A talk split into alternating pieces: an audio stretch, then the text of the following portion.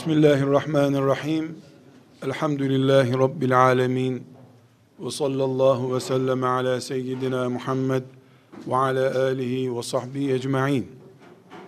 Aziz kardeşlerim,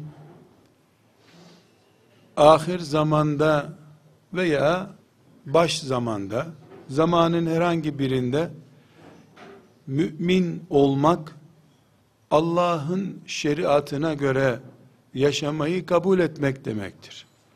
Biz filan zamanın, filan mekanın müminleri değiliz. Zamanı ve mekanı yaratan Allah'ın kullarıyız. Dolayısıyla mümin, bütün zamanların müminidir. Bütün mekanların müminidir. Şartlara göre, zamana göre değişen münafıktır. Bu gerçekle yola çıkıp, ahir zamanda genç olmanın doğal olarak beraberinde getireceği şeylerden söz edeceğiz. Ama ahir zaman kelimesine de vurgu yapmam gerekir. Bize göre dünyanın ahir zamanında yani kıyamete yakın zamanında geldik. Belki yüz sene sonra böyle salonlarda oturan insanlar, müminler yahu bu dünyanın ne kadar iyi zamanları varmış deyip bizi hayırla yad edecekler belki de. Çünkü bir kıyamete doğru gittiğimiz kesin ama kıyamete ne kadar vakit kaldığı kesin değil. Bu sebeple biz mevcut zamanın sıkıntısını konuşalım, dertleşelim ama abartmaya gerek yok. Yarın kıyamet kopacak gibi hazırlıktayız kıyamete en az 5000 sene daha var diye de geniş programlar yaparız. Böyle bir ümmetiz elhamdülillah. Kardeşlerim, ashab-ı kiramla yani ilk Müslüman nesille ilgili pek çok olayı biliyorsunuz. Genç Bilal'in nasıl kırbaçlandığını biliyorsunuz. Musab bin Ümeyr radıyallahu anh'ın en zengin ailelerden birisinin çocuğu olduğu halde nasıl çıplak denecek şekilde kefenlendiğini ve ahirete gittiğini biliyorsunuz. Ashab-ı kiram Allah onlardan razı olsun zamanlarının imtihanı ile imtihan oldular.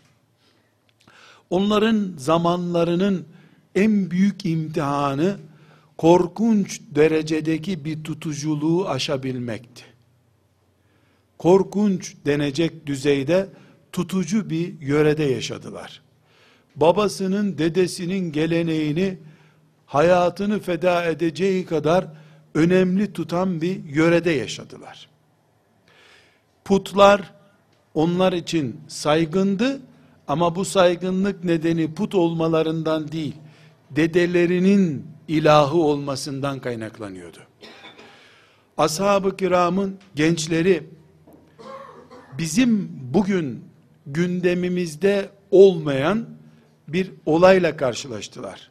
O da sözünü ettiğim gibi e, insanların bir önceki kuşakların tutucu aile ve yöre baskısını aşamamalarıydı.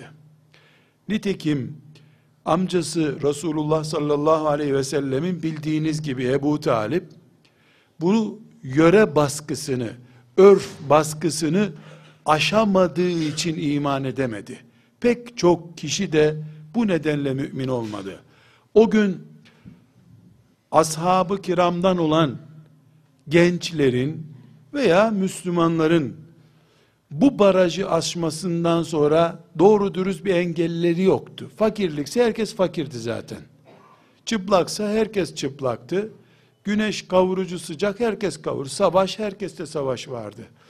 Ama ashab-ı kiramın gençlerinin önündeki barikat binlerce yıllık bir geleneği çiğneyebilme, yok sayabilme barikatıydı. Başaran oldu, başaramayan oldu. Kardeşlerim, o güne ait hikayeleri, kıssaları tekrar etmemize gerek yok. Ama bugün o kalkmıştır dedik. Kimsenin ecdadına ait bir hatırayı saklayacak vakti de yok zaten. Kimsenin örfe mörfe bağlılığı kalmadı. Örf de her şeyde internet oldu. İnternet örfse örf, örf değilse değil. Hale geldi. Şimdi bu asırda bilhassa genç neslin henüz filizlenme sürecinde Müslüman olan genç neslin 50 yaşında 60 yaşında çoluk çocuk sahibi insanların biraz daha durumu bu açıdan rahat.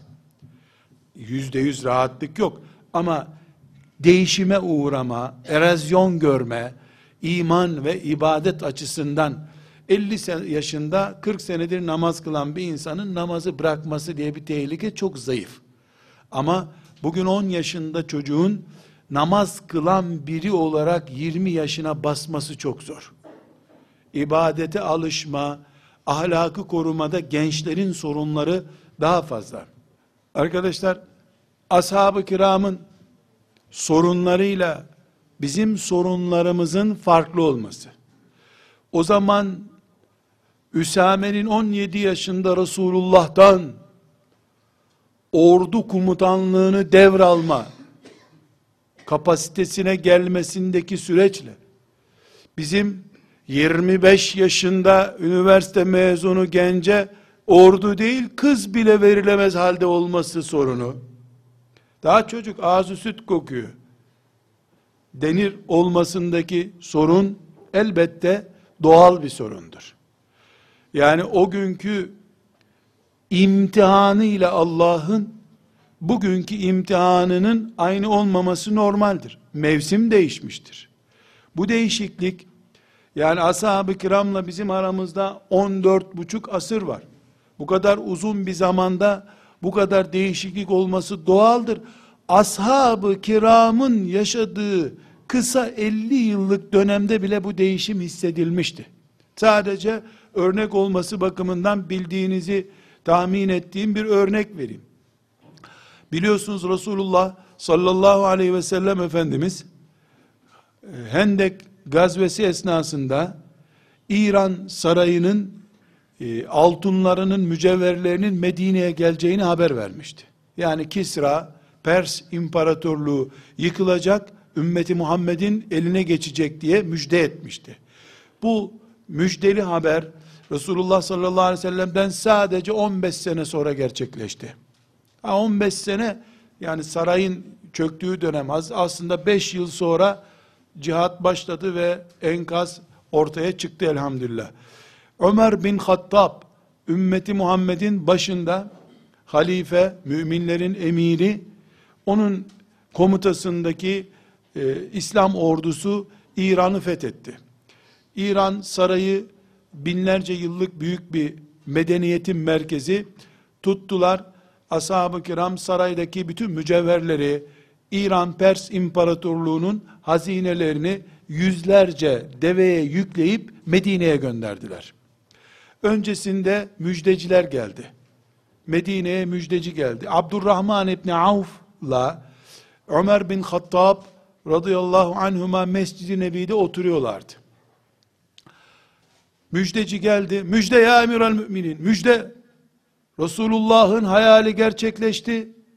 Pers İmparatorluğu yıkıldı. Şu kadar deve ile mücevherler Medine'ye geliyor dedi. Abdurrahman'ın gözleri açıldı. Yani mal geliyor gidiyordan değil. Resulullah bir şeyi söyledi, mucize gerçekleşti. 5-6 sene sonra bunu gördük diye mutlu oldu. Ömer bin Hattab'ın gözleri yaşardı.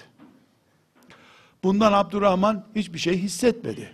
Yani Resulullah'ın hayali olan, müjdesi olan bir şey benim elimde gerçekleşiyor. Dünyanın ikinci büyük imparatorluğu benim elimde yıkılıyor. Elbette sevincinden ağlar insan.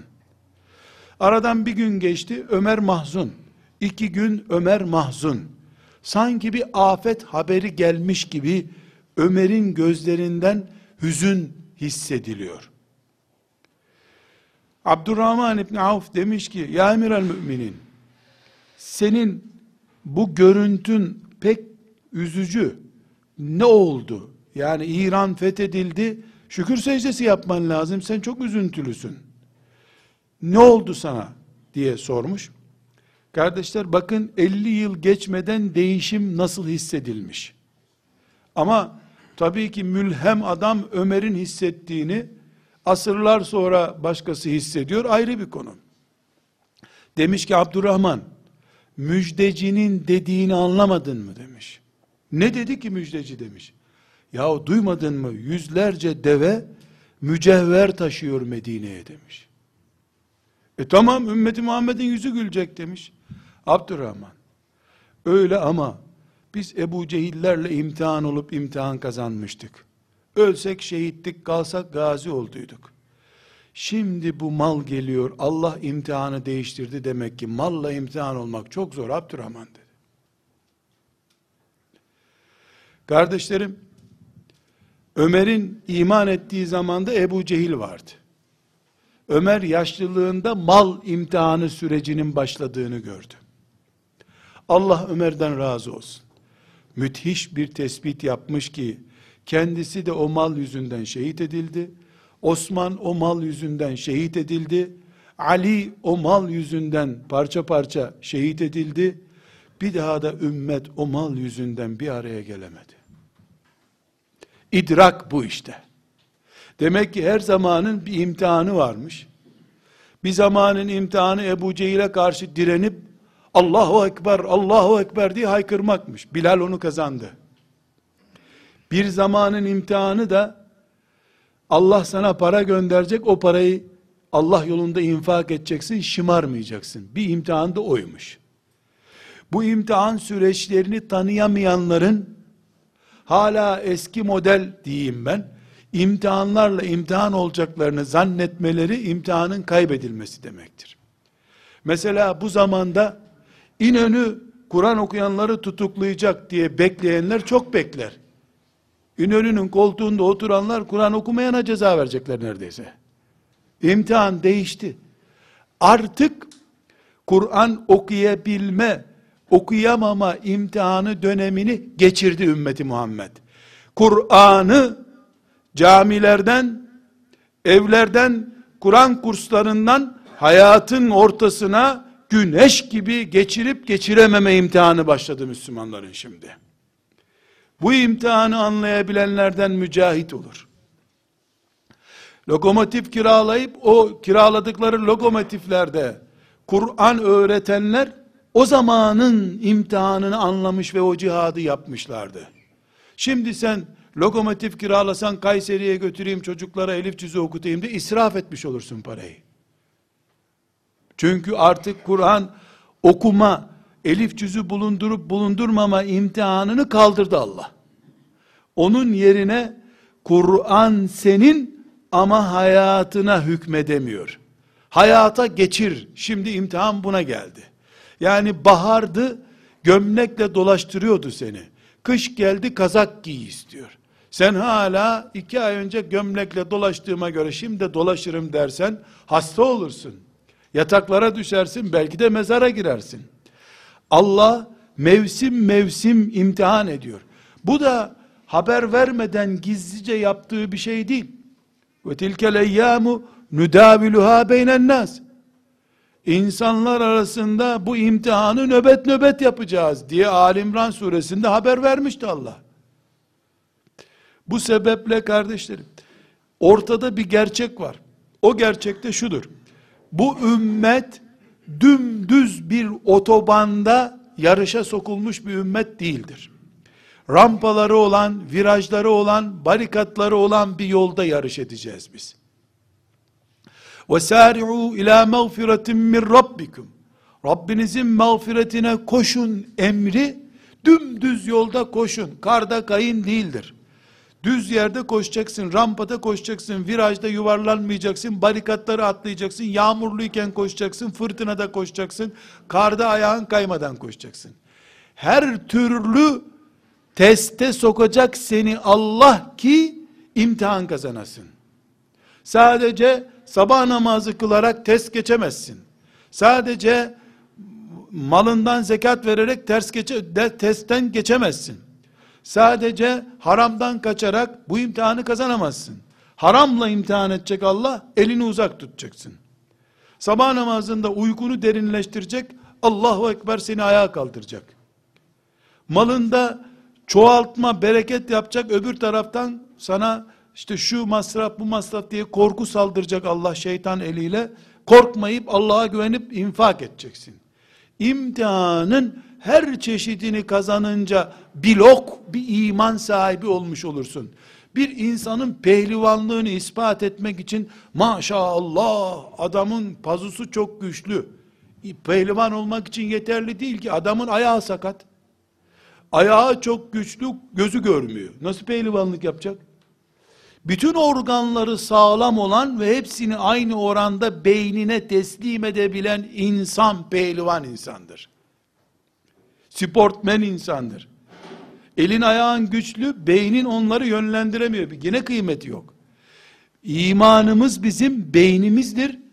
Hayatın ekonomisini, ticaretini, sosyal hayatını, evliliğini, ilmini, her şeyini imanımıza hizmet ettirebildiğimizi gördüğümüz zaman bir iman pehlivanı olarak meydanda bulunabiliriz. Allah'ın bu zamanki iman imtihanını kazanmış kulları olabiliriz. İhtiyar içinde, genç içinde, kadın içinde böyledir bu. Yani ashab-ı kiramın kadınları Allah onlardan kıyamete kadar ebediyen razı olsun. Pek çoğu kıssalarını bildiğiniz meselelerdir tekrar etmeyeyim. Gizlice iman ettiler çünkü ashab-ı kiramın iman eden, ilk iman eden yüzünde kadın sayısı erkek sayısından fazladır. İlk iman eden kadınlar oldu ama kafir olan kocalarından korkup imanlarını açıklayamadılar. Kocaları da iman edince vay be biz iman eden bir karının kocasıymışız diye sevindiler. Ömer bin Hattab'dan önce kız kardeşi iman etmişti. Yani bu kadın örneği çok fazla. O zamanki kadınları Allah kocalarının barikatını aşıp aşamayacağını da imtihan etmişti. Kocam ne derse onu yaparım mı diyecek. Rabbim dedi lanet olsun kocama mı diyecek. Bunu görmek istedi Allah. Şimdi böyle bir imkan var mı? Böyle bir imtihan var mı? Böyle bir barikat var mı? Yok canım kimsenin kimseye karıştığı bir zaman değil. Şimdi kadınların imtihanını o noktadan aldı Allah. iman ettikleri Kur'an'ın hak ahkamına teslim olup olmayacakları ile imtihan ediyor. Artık peygambere gelen filan vahye iman etmek diye bir dert yok. İman ediyor ama Allah'ın hükmü olduğunu bildiği halde bu mirastan niye bana az veriyor İslam diye soruyor. Başka bir sistemin kanunlarına şikayet edip asıl ki o kanuna göre hakkını almaya çalışıyor. İslam bana az veriyor diyor. Tesettür var. Kur'an'a iman var. Hacı kızı olmak var kendisi de umreye gitmiş olmak var. Onun keyfine dokunduğu zaman Kur'an ona az mal verdiği zaman yok ortada ama. O ayrı, o başka, o başka. O ayrı bir şey. O zaman ayrı bir şey. Ama ashabın kadınlarının böyle bir derdi yoktu. Onları Allah koca ve toplum barajıyla imtihan etmişti. Kocalarını ve toplumu sollayıp şehadete razı oldu Sümeyye. 40 deveyle parçalarsanız parçalayın Muhammed peygamberimdir dedi. İlk şehit kadın olarak Allah'a gitti. Şimdi böyle bir imtihanı yok Allah'ın. 50 tane Müslüman kadın Yasin okumak için bir araya geliyor. Orada Allah'ın Sümeyyelik imtihanı ortaya çıkıyor. Birisi çıkıyor diyor ki filanca ikinci kadın almış. Yuva kampanyası başlıyor orada. Yasin okumak için toplanmışlar. Birisinin ikinci karısını konuşuyorlar. Hepsi de orada Yasin'den önce Nisa suresini de okumuşlardı belki. Biri çıkıp da kardeşler hepimize ağır zor bu ama bir kere Allah müsaade etti sakın ağzınıza kötü söz almayın diyemiyor. Neden diyemiyor? E, kadın haklarını e, zaten onun savunması gerekiyor herkesten önce. İşte imtihan bu kardeşlerim. İşte imtihan bu her halükarda şu noktaya gelmemiz lazım. Hiçbirimiz Allah'ın iyi kulu olmak için Ebu Cehil'in gelip bizi kırbaçlayacağını hadi Muhammed mi Muhammed'in Allah'ı mı ben mi putlar mı lat mı uzza mı menat mı diyeceğini bizim de yok be öyle şey olur mu Allahu Ekber deyip bilalleşeceğimizi zannetmesin. O sahne kapandı. Allah'ın böyle bir imtihanı yok. Sonra da Mekke fethedilecek. Seni de Peygamber aleyhisselam Kabe'nin üstüne çıkaracak. İlk ezan okumayı da Kabe'de sana nasip edecek. Hani taşların üstünde kıvranıyordun ya. O imtihan modeli bitti. Sen onu artık filmlerde seyredeceksin. Çocuğuna hikaye olarak anlatacaksın. Senin ise Übey ibn Halef gibi, Ebu Cehil gibi zalimin yok. Sana Übey ibn Halef'in, Ebu Cehil'in kırbaçları değil, internet dalgaları gelecek. O dalgalara rağmen, internet dalgaları binlerce site, binlerce fotoğraf filan sana geldiği halde, Allahu Ekber sesini duyar duymaz camiye koştuğun interneti de hatta kapatmaya bile vakit ayırmadan ezanı camide yetişeyim diye gittiğin zaman ey Bilal oğlu Bilal 2010'lu yılların Bilal'isin sen. Çünkü sen bugünkü Übey ibn Halef olan, bugünkü Ebu Cehil olan, Ebu Leheb konumunda olan güçlerin kırbaçları altında Allah'ın en büyük olduğunu hatırlaman gereken zamanda hatırladın ve camiye koştun, kazandın. Kazandın. Çünkü bu zamanın imtihanı budur. Kardeşlerim, bunu anlamak gerekiyor. Yani Allah 24 saatlik hayatın hiçbir saatinde aynı güneşi, aynı rüzgarı karşımıza çıkarmadığı gibi imtihan olarak da Allah hiçbir günün imtihanını öbür güne benzetmiyor. Hatta ve hatta bir Müslümanın 20 yaşındaykenki imtihanıyla 25 yaşındaki imtihanı da aynı değil. Zaman değişmemiş olsa bile onun yaşı başı değiştiği için farklı şeyler bekleyecek ondan Allah. İmtihan maksadıyla. Bu sebeple bunu anlamamız gerekiyor. Biz ister ahir zamanda olalım, ister orta zamanda, isterse ilk zamanda olalım. Bir şey değişmiyor. Allah bizi ne ile imtihan etmeyi murat buyurduysa onu anlamak zorundayız. Kırbaçtı vesaireydi o dönemi bitirdi insanlık. Köleydi, köle hürriyetine kavuşacak. Kölelik kalktı. Kırbaç kalktı işkence elektronik hale geldi. Sen hala Bilal sahnesiyle, Ammar sahnesiyle oyalanamazsın. Bu zamanın cihadı bile değişti. Cihadın rengi, şekli değişti. Ulvi gaye olarak devam ediyor, sistem olarak devam ediyor ama metot olarak cihat farklılaştı. Bu farklı ortamda, farklı zeminde mümin olarak sen çağlar öncesinde öyle bir sistem vardı. Mesela işte bir gün inşallah bir hoca efendi bir gemi yapacak. Biz de gemiye gireceğiz. Allah dünyayı suyla dolduracak. Orada kurtulanlardan olacağız diye bir imtihan mı bekleyeceğiz Allah'tan? Nuh'un imtihanıydı o. Nuh kavminin imtihanıydı. Gemi yok. Fırtına, sel yok. Onun yerine boğuşacağın başka fırtınalar çıkaracak Allah karşına. Zamanının fitnesini ve belasını anlamayanın yaptığı işin bereketli olması ve onu kurtarıcı olması da mümkün değil aziz kardeşlerim. Her halükarda özellikle genç müminler olarak kardeşlerim bu zamanın yani şu teknoloji zamanı bu zaman derken teknoloji zamanını uzay çağı dedikleri çağı kastediyorum. Sosyalleşmenin insanların hayatını çok berbat bir hale getirdiği zamanı kastediyorum. Apartmanların kibrit kutusu gibi dizildiği ama insanların köy hayatı, köy şartları kadar bile birbirlerini tanımadıkları zamanı kastediyorum. Camilerin klimalı ve kaloriferli olduğu, kuş düğün eksik halıların üzerinde namaz kılındığı ama namazın huşu kaynağımız olmadığı zamanı kastediyorum.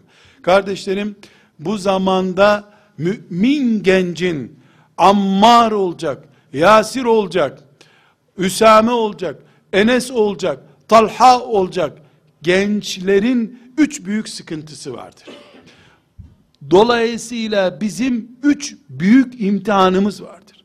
Eğer anne ve baba isek, çocuk yetiştirirken kovamızın bu üç delik ihtimaline dikkat edeceğiz vakıf görevlisiysek, öğretmensek, muallimsek, başka müminlerin çocuklarını emanet alan bir kimlik sahibiysek, bizim çalışmamızın hava alacağı ve balonumuzun şişmeyeceği üç delik bunlardır. Yani birey olarak, genç olarak veya anne baba olarak ya da gençler insanlar üzerinde eğitim yapan kimse olarak ya da bir caminin kürsüsünü dolduran vaiz efendi, hoca efendi olarak, insanlara hutbe okuyan imam efendi olarak veya minarelerden Allah'ın adını yüceltmek için ezan okuyan müezzin efendiler olarak bu asır teknolojisiyle, medyasıyla, sosyalitesiyle, psikolojisiyle veya bütün bu bildiğimiz modern yapısıyla üç noktadan canımıza kastetmektedir. Bu üç noktayı iyi tespit edebilirsek, çalışmalarımızı vakıf kurarken, çocuk yetiştirirken, bir camide namaz kıldırırken, çalışmalarımızı açığımızın ne olacağını bilerek yaparsak çok daha çabuk sonuç alırız. Aksi takdirde elde edeceğimiz mesafeler kardeşim, üç adım gidip dört adım geri kalacağız. Yani ne olacak biliyor musunuz? Allah zinayı haram etti. Kadının eline tutmayı haram etti. Sen hafız yetiştireceksin. Hafız olarak o kadının elini haram bir şekilde tutacak. Normal tutsaydı bunun adı mümin kadını haram bir şekilde tuttu olacaktı. Bu sefer melekler bunu hafız bir mümin, İmam Hatip mezunu bir mümin kadının elini haram bir şekilde tuttu diye kaydedecekler ağırlaştırılmış bir suç işletmiş olacaksın sen sadece. Bu sebeple sen fırtınanın ne yönden estiğini bileceksin ki camını ona göre kapatasın. Bir ön tedbir bilgim olması lazım ki kat ettiğim yol yani rüzgarın ne yönden estiğini bilmeyen birisi yakıt fazla harcar. Geminin yelkenlerini ters açarsın sen. Kuzeye gidecekken güneye gidersin. Bu nedenle kardeşler üç şey. Birincisi imanımızı şeytan içini boşaltılmış bir iman haline getiriyor. Örnek vereceğim. İkincisi biz haramlarla iç içe bir İslam yaşama riski yaşamaya başladık. Üçüncüsü de maalesef diyorum İslam adına ortaya çıkan çalışmalarımızda, vakıf vesairemizde İslam'ı bir köşesinden tutup kaldıran eylemler yapıyoruz. Resulullah sallallahu aleyhi ve sellemin veda hutbesinde bir bütün olarak önümüze koyduğu Kur'an'la ve hadisi şeriflerle özetlenmiş bir bütün olan İslam'ı bir köşesinden, zühdünden yakalıyor mesela. Tasavvufundan yakalıyor. Mesela infakından yakalıyor. Mesela cihat bölümünden yakalıyor. Mesela camiye cemaatle namaza gitme bölümünü alıyor. Bir tarafa yığılıyor, bir tarafa yığıldığı için öbür teker havada kalıyor ve arabası gitmiyor aslında. Çünkü tekerlerin ikisi de yere basmadıkça, dört çekerliyse dördü de yere basmadıkça hareket ettiremezsin. Bir tarafını sürekli hareket ettirmek istiyorsun. Evet o taraftan bayağı bir kazanımın oluyor. Ama öbür yönleriyle İslam boşlukta kaldığı için orijinal Müslüman, sahabenin bu zamandaki versiyonu olan Müslüman yetişme yerine İslam'ın başına dert Müslüman yetiştiriyoruz. Bu üç şey kardeşler, imanımızın içinin boşaltılması ve bizim haramları hafif görmemiz ve İslam'ı bir köşesinden tutup öbür bölümünü teğet geçen anlayış sahibi olmamız, neticede e, bizim İslam namına yaptığımız şeylerden sonuç alamamamız ya da kendi gözümüzün bile şöyle bir mamur olması, doyması şeklinde tecelli etmeyen çalışmalar yapmamızı sağlıyor ve bir bu zamandaki ailelerin, bu zamandaki gençlerin bu zamandaki İslam adına iş yapan muallim, müdür, vakıf başkanı, dernek başkanı neyse herkesin ortak derdi aslında. Bu sebeple yaptığımız işlerde imanımızın içi oyuluyor mu? Haramla yüzleşiyor muyuz? İslam'ı bir bütün olarak alıyor muyuz? sorusunun cevabını bulmadan kaliteli bir iş yaptığımızı iddia etmeyelim. Kendimizi aldatmış oluruz. Kardeşler imanımızın içi nasıl boşalıyor? Örnek vereyim, sadece örnek vereyim. Sahabeden birine, Ebu Bekir'den son sahabeye kadar, herhangi birine, Resulullah sallallahu aleyhi ve sellem, şu konuda bu kağıttır dedi, deniyor. Sonra da Resulullah buna kağıt dedi ama bana göre bu şudur diyebilir miydiniz bir sahabinin yanında? Ebu Bekir'e böyle deneceği vehmedilmiş. Yani bir tartışma var. Kaldırmış elini. Resulullah'ın sallallahu aleyhi ve sellem ki olayı biliyorsunuz Üsame 17 yaşında Peygamber aleyhisselam vefat etmeden önce onu ordu komutanı yapmış Bizans'ın üstüne gönderiyor. Roma İmparatorluğu'nun bulunduğu bir bölgeye gönderiyor. Efendimiz vefat edince ashab-ı kiramın bazıları yani çok kötü bir yere gidiyor. Bu çocuğu değiştirsene filan. Yani yaşlı başlı bir olgun adam koy. Gibi bir şey söylemek istiyorlar. Tam da diyemediler daha. Ağızlarında sözü bırakıp cevap veriyor. Diyor ki yahu Resulullah'ın tayin ettiği birisini görevden aldıktan sonra bu gökyüzü başımın üstünde nasıl ben dolaşabilirim bir daha diyor. Ona göre de o çocuğun orada komutan olması uygun değil. Ama Resulullah tayin etti. Tartışılır mı böyle bir şey? Diye iman ediyor. Şimdi kardeşlerim, bir Müslüman düşünün, Resulullah dedi ki diyorsun, başlıyor hadis zayıf mı şişman mı? Filan hoca efendi bu konuda ne dedi? Kur'an'a aykırı mı? Aman Allah'ım. Ne riskli ne yanlış sözler söylemiş peygamberimiz de ashabın haberi olmamış mı eğer ki? İşte Ebu Hureyre onu iyi anladı mı? Enes İbni Malik çocuktu daha nereden anladı bu işi? Ayşe annemiz ne bilecek o hadisi? Alimallah bir gazetedeki haberleri bu kadar tenkit etmiyor insanlar. Bu ne biliyor musunuz? İçi boşaltılmak üzere olan bir iman bu işte. Halbuki mümin yanlış bile olsa peygamberimin dediği gibi olacak bu iş demek zorunda. Diyelim yanlış dedi peygamber. Dediyse dedi Allah Allah. Yanlışsa yanlış. Diyebiliyorsan teslim oldun sen. Kardeşler Peygamber aleyhisselama imanımız yani onun müminleri olmamız yavaş yavaş onu beğenmiş biri olmaya doğru gidiyor. Tekrar bu cümlemi ediyorum. Biz Muhammed aleyhisselama iman ettik. Şimdiki süreç ahir zaman fitnesi Muhammed aleyhisselamı beğenme sürecidir. Beğenmekle iman etmek arasında ne kadar fark olduğunu az çok hepimiz tahmin ediyoruz.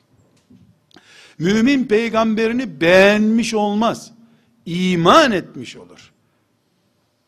Allah ne diyor Kur'an'ında? Tam teslim olup içlerinde tereddüt kalmadıkça iman etmiş olmazlar onlar. Beğenmek yetmez ki Resulullah'ı sallallahu aleyhi ve sellem. Ebu Cehil beğenmiyor muydu? Peygamber olmayacak adamdır bu mu diyordu? Yo, Ebu Cehil'in öyle bir derdi yoktu ki, o da beğeniyordu. Emin ismini o kullanmıştı zaten. Ama beğeniyorlardı, iman etmiyorlardı. Mümin, beğenmeyi geçmiş, iman etmiş insandır. Kardeşlerim, birileri çıkıp, mesela şu cümleyi kullanıyorsa, Peygamberin hadisleri Kur'an'ın yorumudur. O o zamanın yorumuydu. Biz de şimdi yorumlama hakkına sahibiz. Bu ne demek? Kim kimin sözünü yorumluyor? Kur'an peygamber yorum filan yapmaz Allah'ın vahyini konuşur diyor.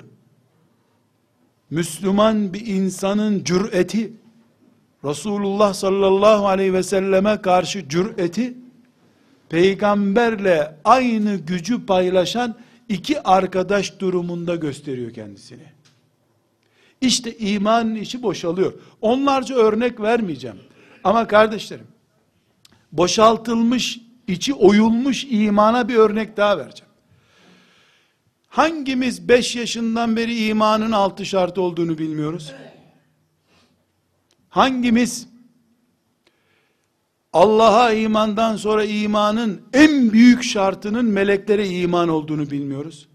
Peygamberlere imandan önce meleklere iman şartı var. Çünkü melek peygamber getirecek sana. Allah, melek, sonra peygamber, sonra kitap olacak. Hepimiz bunu biliyoruz.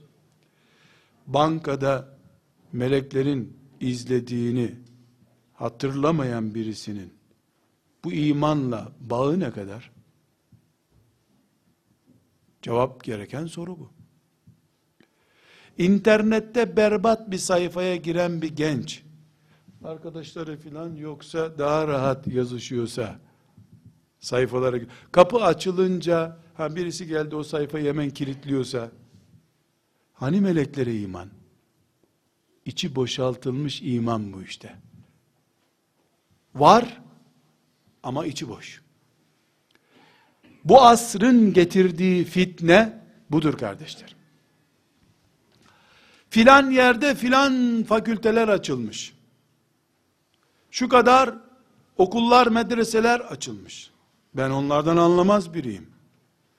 Bunlar imanımı takviye mi ediyor? Yoksa kovana çomak mı sokuyor? Dinin felsefesini mi öğretiyor, din mi öğretiyor? İslam felsefesini öğrenmek İslam mıdır? 10 sene hiç susmadan namaz felsefesi konuşsam bir rekat namaz kılmış olur muyum? İşte imanımızın içinin oyulması budur kardeşler. Bunu Müslümanlar da kendi eliyle yapabilirler. Müslümanları uzaktan idare etme hamlesi yapanlar da bunu yapabilirler. Bu zamanda Üsame olacak, Enes olacak, Ebu Hureyre olarak Allah'a kavuşacak bir genç, samimi ise imanının içinin dolu olup olmadığına bakacak. Bir bu. İki, kardeşler, haramlar gitgide haramlık gücünü kaybettiği gibi şirin hale gelmeye de başladı. Bunun örneğini de maalesef üzüldüğüm, tekrar etmekten de hayal ettiğim bir şeyden vereceğim.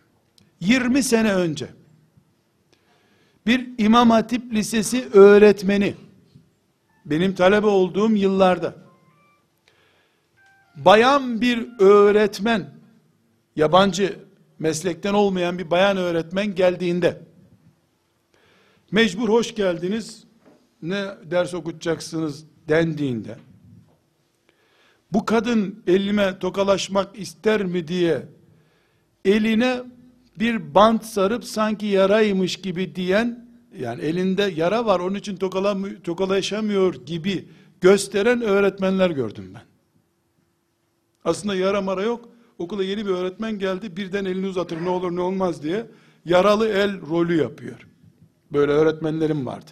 Allah onlardan razı olsun. Şimdi bakıyorum öğretmenler benimle tartışıp soğuk gösterip İslam'ı kadını soğutmaktansa görüşmekte yarar var diyor. Haramdı, sallantıdaydı haram, haram bir de fazilet oluverdi birdenbire. Bir de Allah rızası için oluverdi.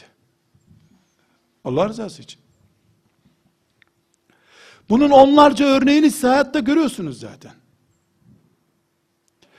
Dinim zarurette olan faize de domuz etine de bulaşabilir diyor. Zaruret nedir diye sorunca ölümüne 5-6 dakika kalmış an zaruret demektir diyor. Efendinin 80 metrekarelik dairesi, iki çocuk, aile, karı koca, dört kişi bunaltmış onları. 90 metrekarelik daire için krediye, faize bulaşıyor. Ama kılıf hazır. Peygamber geniş evde oturun dememiş miydi? Haram ne oldu? Şirin hale geldi. Ambalajı güzel hale geldi. Allah bu zamanda Ebu Cehil göndermez. Ebu Cehillerin modası bitti. Şeytan da biliyor ki, çok iyi biliyor ki, bir Ebu Cehil versiyonu daha çıkarsam bu teknolojiyle komik hale gelirim ben. Şeytan da proje üzerinden çalışıyor kardeşler. Nuh Aleyhisselam zamanında başka bir proje üretti. Resulullah sallallahu aleyhi ve sellemin zamanında Kureyş'e başka proje tatbik etti. Bu zamanda, bu teknoloji çağında betondan heykel yaptırmaz şeytan.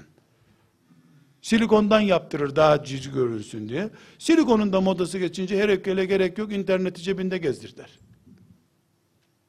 Kardeşler, dikkat ediniz bu zamanın imtihanlarının en ağırı, haramların şirin hale gelmesidir.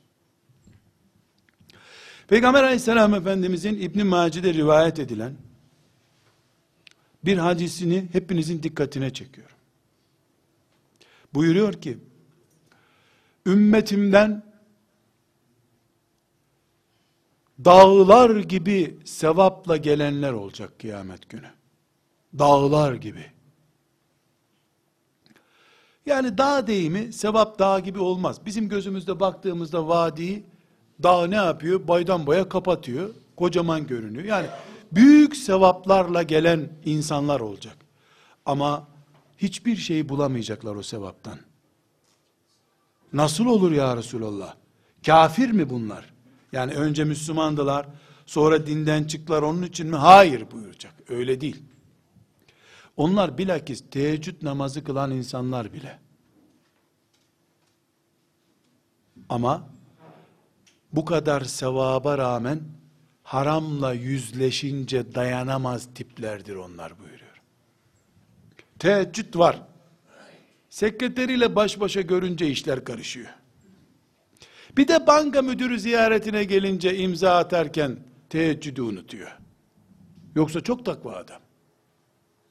Çalıyor, zina, faiz, bir de düğünlerinde alkol başka bir sorun yok. Müslümanlık o biçim. Neden? Sorun haramın şirinleşme sorunu. Bir de bunu Allah için yaptığını düşün. Kılıf Allah rızası için. Mazeret hazır. Bu zamanın gençlerinin bu dönüşümün yakalandığı ortamda yetiştirilmesi lazım. Hoca efendiler haramın cici olduğunu mesela en basit haram ve şirin tatlı bir haram anlatayım size. Umre'ye gidiyorsun ailece Burada ben senin hanımına bir bakayım, kaç yaşında hanımın kimdir, yemek beraber yiyelim desen, deli misin lan, karı koca bir arada oturuyorsun, hadi hadi hadi, haremlik selamlık diyorsun. Harem-i şerifte, tavaf ederken, kızın ve hanımınla fotoğraf çekiliyorsun, Twitter'da 30 bin arkadaşına gönderiyorsun onu. E Kabe'nin önünde de karısı kötü niyetli olacak hali yok zaten. İnna lillahi ve inna ileyhi raciun. Twitter haram mı? Yok.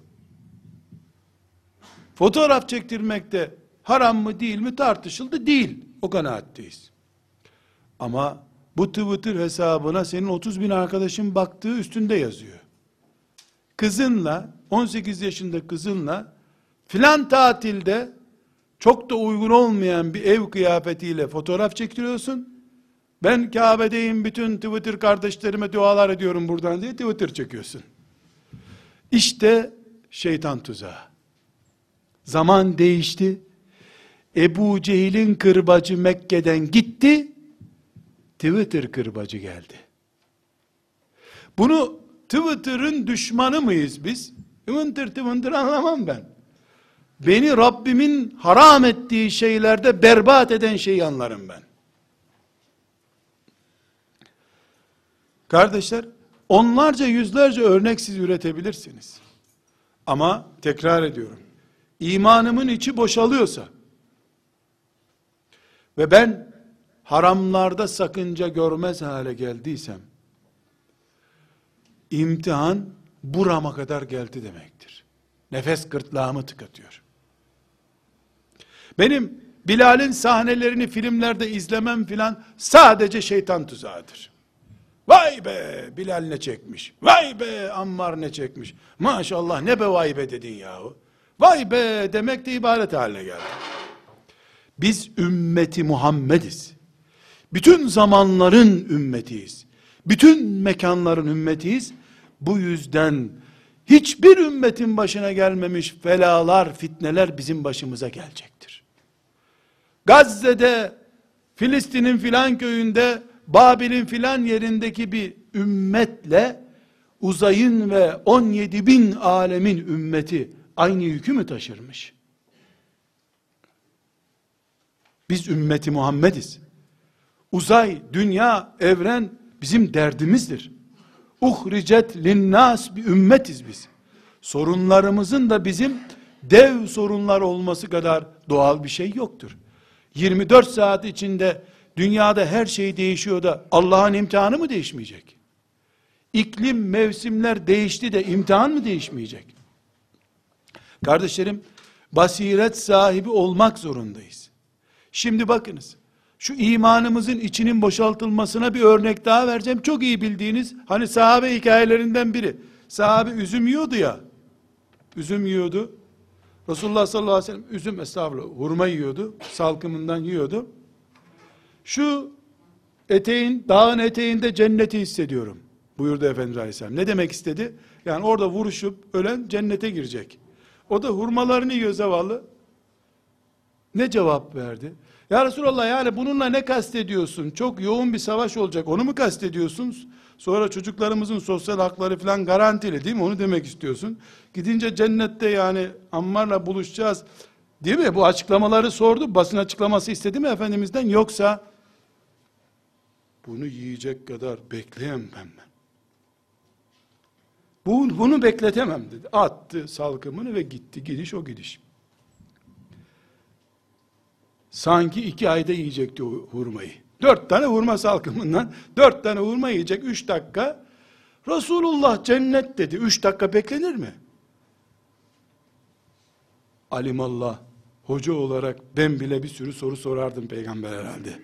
Yani ya Resulallah şimdi, şöyle bir açıklama yapabilirsiniz değil mi? Şey, bir şey derdim bir defa herhalde. Nauzu billah. Şimdi bu sahabi Amr bu ben bu salkımı yiyecek kadar bekleyemem cennet orası dedi gitti. Aynı topraklara tavaf etmeye gidiyor Hacı Efendi. Hac ediyor. Resulullah buyuruyor ki annesinden doğduğu günkü gibi Allah onu affetti. Ne mutlu ona diyor. Sahih hadis. Sahih hadis sallallahu aleyhi ve sellem. Adam geliyor.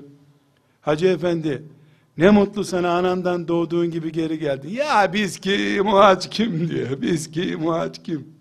Biz kim o kim. Vallahi sen kim hac kim. Billahi öyle. Billahi öyle. Yazık bir kişinin kurasını engelledin. Buna cennet bu dağın dibinde diyor. Şehit ol git. Peki ya Resulallah diyor biletsiz gidiyor. Buna Allah seni affedecek diyor. Ben kim affolmak kim diyor. Ama imanda ikisi de mümin. Aa, ekstra mümin ikisi de. İçi boş ve orijinal iman. O salkımı atan orijinal iman sahibiydi. Resulullah'ın şakası mı olur ya? Seçim propagandası mı yapıyor Peygamber aleyhisselam? Aha cennet dedi, cennet orası işte. E buna Allah seni affedecek diye söz veriyor. 50 defa da hocasından o hadisi dinlemiştir. Ee, ee, tabi. Bu zamanın imtihanı genç kardeşim. Sana imanın şartlarını 5 yaşında ezberletecekler. Ama o imanın şartlarını ezberleten hocan, baban, annen bile Allah seni aç bırakar güvenme Allah'a git diploma sahibi ol diyecek sana sonra içini boşaltacak imanın. Boş kavanozu bal kavanozu diye verecekler sana. Sen inşallah kısa zamanda bunu anlayacaksın ve Allah'a sağlam dolu kavanozlarla döneceksin. Üçüncü sıkıntılı noktamızda kardeşler, İslam'ı bir köşesinden alma hastalığıdır. Namaz, İslam'ın direğidir. Ama İslam değildir. Allah feveylül musallin diyor. Yazıklar olsun o namaz kılanlara diyor. Namaz kılıyor ama tek namaz insana yazıklar olsundan kurtarmıyor demek ki. Zekat İslam'ın orijinal bir parçasıdır. İslam'ın kendisi değildir tek başına. Cihad İslam'ın yüzde yüz orijinal asıl parçalarındandır. Tek başına cihad etmekle İslam yaşanmış olmuyor. Takatımızla sınırlı şüphesiz ama dört tarafından tutacağız İslam'ı. İslam bir pakettir. O paketten parça seçip alıp orijinal Müslüman olamazsın. Evet, ashab-ı kiramın kimisi cihatta zirvedeydi Halid bin Velid gibi. Kimisi de ahlakta bir numaraydı Osman ibn Affan gibi. Kimisi de Kur'an'da meleklerle yarışıyordu Übey ibn Ka'b gibi. Ama Übey ibn Ka'b iyi Kur'an okuyordu da Osman Tevrat mı okuyordu? Hayır. Hepsi aynı şeye sahiptiler. Birinin branşı biraz sivrilmişti. Yani Ebu Bekir Sıddık radıyallahu anh sadakatte zirveydi. Ömer hain miydi? Ali bin Ebi Talip yalancı mıydı? Yo. Ebu Bekir'in sadakati bir puan öne çıkmıştı. Ali'nin de şecaati bir puan öne çıkmıştı. Ali şecaatliydi de Ebu Bekir'in ödü mü patlıyordu? Hurma ağacının arkasına mı saklanmıştı günün birinde? Yo. İslam Müslümanda olduğu gibidir.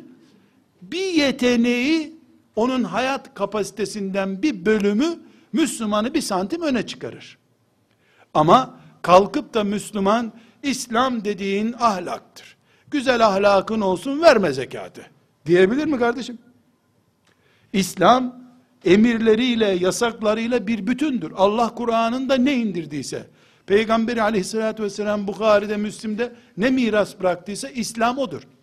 Şimdiki bu çağın hastalıklarından en önde gelenlerinden birini size söyleyeyim arkadaşlar. Mesela yardımlaşmak iman işaretlerindendir. Ensar kalitesinde bir iştir. Allah onlardan razı olsun. Ama Somali'deki kardeşlerine yardım kampanyalarına katıl, o gün sabah namazını kaçır. Bu İslam değildir. Hiçbir mümin kıyamet günü sen bir haftadır sabah namazı kılmıyordun. Neydi sorun dediğinde Somali'ye yardım topluyorduk. Ya Rabbi bildiğin gibi değil sabaha kadar biz Somali'ye yardım topluyorduk. Böyle bir şey yok arkadaşlar. Çünkü Resulullah sallallahu aleyhi ve sellem yerle gök arasını dolduracak kadar sayısını Allah'tan başkasının bilmediği meleklerin de şahit olduğu, onların da katıldığı bir gazveden, Tebuk'ten dönerken nöbetçi bıraktılar Bilal'i. Bilal de uyudu kaldı. Ayakta uyumuş zavallı. 49 gündür yoldalar çünkü. 49 günlük uygusuz uyumuş. Bir daha güneş vakti işte öğle vakti güneş yakınca onları uyanmışlar. Eyvah sabah namazı gitti diye feryadı figan basmış hepsi. Yani sabah namazı sanki düşman bastı onları orada. Sabah namazı kaçırdık. Peygamber başta olmak üzere sabah namazı kaçırdılar. Efendimiz toplayıp ashabını ya kardeşlerim biz herhalde düğünden gelmiyoruz da melekler de şahit cihattan geliyoruz. 49 gündür uykusuzlar ya. 49 gündür uykusuzuz. E bunu melekler gülüyor. Merak etmeyin, merak etmeyin. Buyurmadı. Ne buyurdu? Acilen burayı terk edelim Allah'ın laneti yağacak buraya dedi. Eyvah ne yaptık biz dedi. Sen vakıftaki toplantın için sabah namazı kaçırıyorsun. E ama mazeret azı İslami çalışma yapıyor. İslami çalışma. İslam bütünü İslam'dır. Bütününü yüzde yüz uygulayamayabilirim. Hiçbir sıkıntı yok. Çünkü beşerim ben, takatım sınırlı, Rabbim bana hepsini uygulamayı müyesser etmez, etmez etmez. Ama sen tesbihini çek, öyle silahla milahla olmaz bu işler. Dilin kurusun. Silahsız yatmayan peygamberin yaptığı işi nereye koydun sen? Tesbih çekecekmiş. Yahut da al silahı gel, tesbih salla gitsin. Ne yapıyorsun sen ya? Resulullah'ın bu tesbih. Sallallahu aleyhi ve sellem. Ne yapıyorsun sen? Hangi tesbihle alay ettin sen? Dilin kurur. Sen şehit değil, şerit bile olamazsın bu ümmette. Şeridin içinde bir nokta bile olamazsın bir daha. Tesbihin de olacak, silahın da olacak, kalemin de olacak, göz nuru da akıtacaksın, kulaklarında da kirpas toplanacak. Bu ümmet dert ümmetidir. Her işi yapar bir ümmet. Profesyonel müminiz biz. Amatör değiliz öyle sadece bisiklet kullanır değil. Yeri gelir helikopterde kullanacaksın, bisiklet kullanacaksın. Profesyoneliz imanımızda, profesyonel. Eskiden İsrailoğullarının menkıbeleri onlar. Bir dağa çekilmiş 75 sene sadece Allah demiş sonra melekler yarışmış hangimiz bunun ruhunu alacağız diye. Geç o hikayeleri. Geç o hikayeleri. Şehitlik sevdasıyla Allah'a giden peygamberin var senin be. Kim öldürdüyse ebedi bu ümmet onunla kavga edeceği için, onları Müslüman saymayacağı için şehit olmaya yanaşmadı Efendimiz Aleyhisselam. Mesela Yahudiler onu öldürselerdi şehit olacaktı. Ama biz bir daha Yahudi iman etse de onu kabul etmeyecektik peygamberimizin katili diye. Bu yüzden ki istiyorum ki Allah'tan diyor şehit olup öleyim. Sonra dirileyim, bir daha şehit olayım, bir daha şöyle, defalarca şehit olma hasreti olan bir peygamberin var senin. Öyle savaşla mavaşla olmazmış. Neyle olur? Sigaradan sonra çay, çaydan sonra sigara, ara sırada hikaye menkıbe oku, al sana cennet. Yazıklar olsun. Matematik sadece birden dörde kadar saymak mıdır? Birden dörde kadar rakam biliyorsun ama her türlü hesap yapabiliyorsun. Var mı böyle bir şey? Bütün rakamları bilip onları alt alta üst üste yan yana toplarsan matematik yaparsın. İslam namazı, orucu, cihadı, tasavvufu, zikri, e, ashab-ı kiram sevgisi, Kur'an tilaveti, sana ne miras kaldıysa Ebu Bekir'den, Abdülkadir'den, Ebu Hanife'den, Ahmet bin Hanbel'den kalan her mirası sahiplenirsin, odur İslam. Çıkarırsan tasavvufu 7, 8, 9 numaraların yok. Çıkarırsan cihadı 1, 2, 3 rakamın yok. Kaldırırsan ibadeti sıfır rakamın yok. Toplama yapamazsın, çıkarma yapamazsın. İslam bir bütündür. Bu çağdaki kardeşler, en büyük sıkıntılarımızın üçüncüsü de İslam'ı bir parçasından alıp bütünü gibi kıymetli hale getirme hastalığıdır. Bizim hocamız Allah selamet versin kitaplarında sadece bu konuları yazdı. E, hocaların hocası Resulullah'ın kitabında daha çok şey yazıyor. Bu bir hastalık çeşidi. Gençlerimizi de yazık ediyorlar. Zavallı çocuk ayetten etkileniyor, hadisten etkileniyor. Ben de ashab-ı kiram gibi olayım diyor. Gidiyor takılıyor böyle bir yere. Bir köşesinden tutunup duruyor İslam'a. İşte tek e, hatla elektrik alacak. Tek hatla da elektrik alamıyor. Kardeşler, bu ümmet hiçbir imtihandan yılar bir ümmet değildir. Çünkü biz insanlık için çıkarılmış kahır yüklü bir ümmetiz. Rabbimizin kaderinden de razıyız. Bizi bin derede boğulmakla imtihan etse, bin kere İbrahim gibi ateşe atsa, bin kere sularda bizi yüzdürmeye kalksa, Rabbimizin kaderine razıyız. Her türlü imtihana, ister ahir zaman olsun, ister normal zaman olsun, biz imtihan için geldiğimizi biliyoruz. Cennetin kelepur bedava olmadığına da iman ettik. Çilemize razıyız, kaderimize razıyız ama aptallığa razı değiliz. Körü körüne helak olmaya da razı değiliz. Şeytanın, iblisin de enayi olmadığını, bu teknoloji çağında hala Mekke'deki müşriklerin putlarıyla bizi oyalamayacağını da biliriz. O da bu çağda yaşıyor. O da bu çağda enstitüler üzerinde araştırmalar yaptırıyordur muhakkak. O da insan psikolojisini çok iyi biliyor. Psikolojime, şehvetime, zevklerime o da hitap etmek istiyor.